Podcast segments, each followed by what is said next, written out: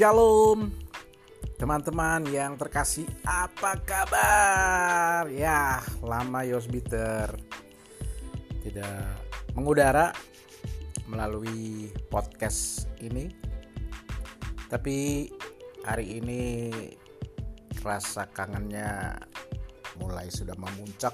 Jadi Yosbiter ada bersama dengan teman-teman kembali dan saya berharap teman-teman tetap sehat tidak kurang suatu apa pun, pekerjaan aman, keluarga nyaman, dan seterusnya dan seterusnya.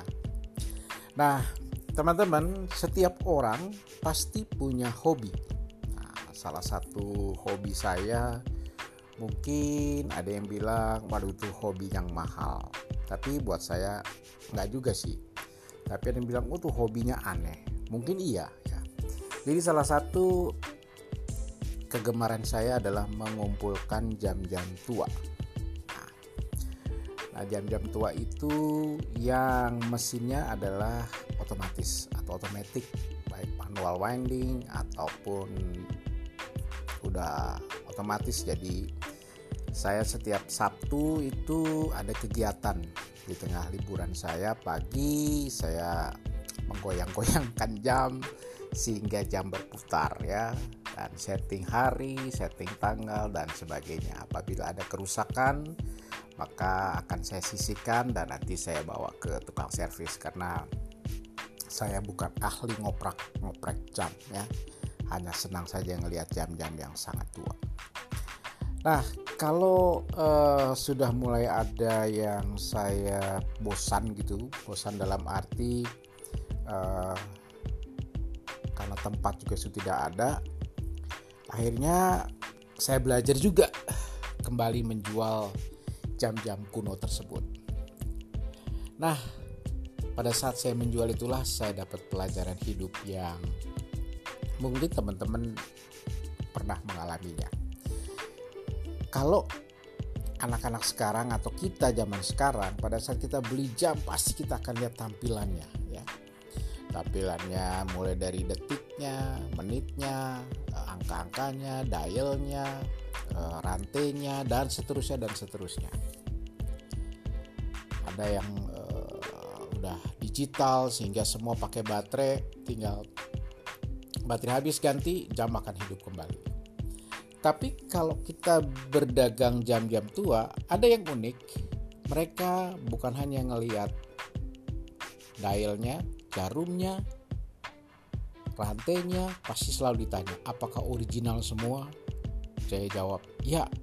Padahal kadang-kadang saya nggak tahu ini original atau tidak. Karena ada satu yang paling saya belum pahami adalah mesin jam. Kadang-kadang si pembeli bilang ini pak maaf saya mau lihat mesinnya. Waduh mesinnya ya akhirnya saya juga beli perangkat walaupun sederhana untuk membuka mesin. Dan pada saat dibuka biasanya ada tulisan misalnya Titus.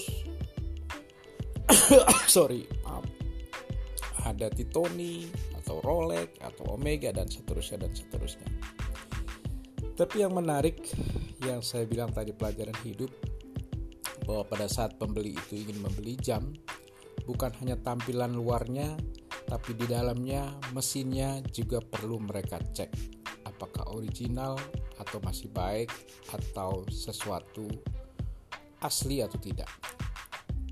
Saya berpikir mungkin Tuhan seperti itu. Dia tidak melihat juga fisik kita, penampilan kita, tapi dia melihat apa yang ada di dalam diri kita, yaitu hati kita, jiwa kita. Karena untuk itulah Tuhan Yesus mati buat saya dan teman-teman. Mungkin fisik kita bukan tidak berarti, berarti, tapi Tuhan lebih memperhatikan jiwa kita, jiwa yang selamat yang ada di dalam kita. Teman-teman, mari kita jaga hati kita, jiwa kita, sehingga pada saatnya nanti kita akan kembali dengan sukacita, kita akan kembali pasti bersama dengan Tuhan Yesus di sorga yang kekal. Tetap sehat, iman, imun, amin. Jangan lupa olahraga, makanan yang sehat, dan pastikan kita semua selamat. Jangan lupa baca Alkitab. Tuhan Yesus berkati, selamat malam, Yosbiter.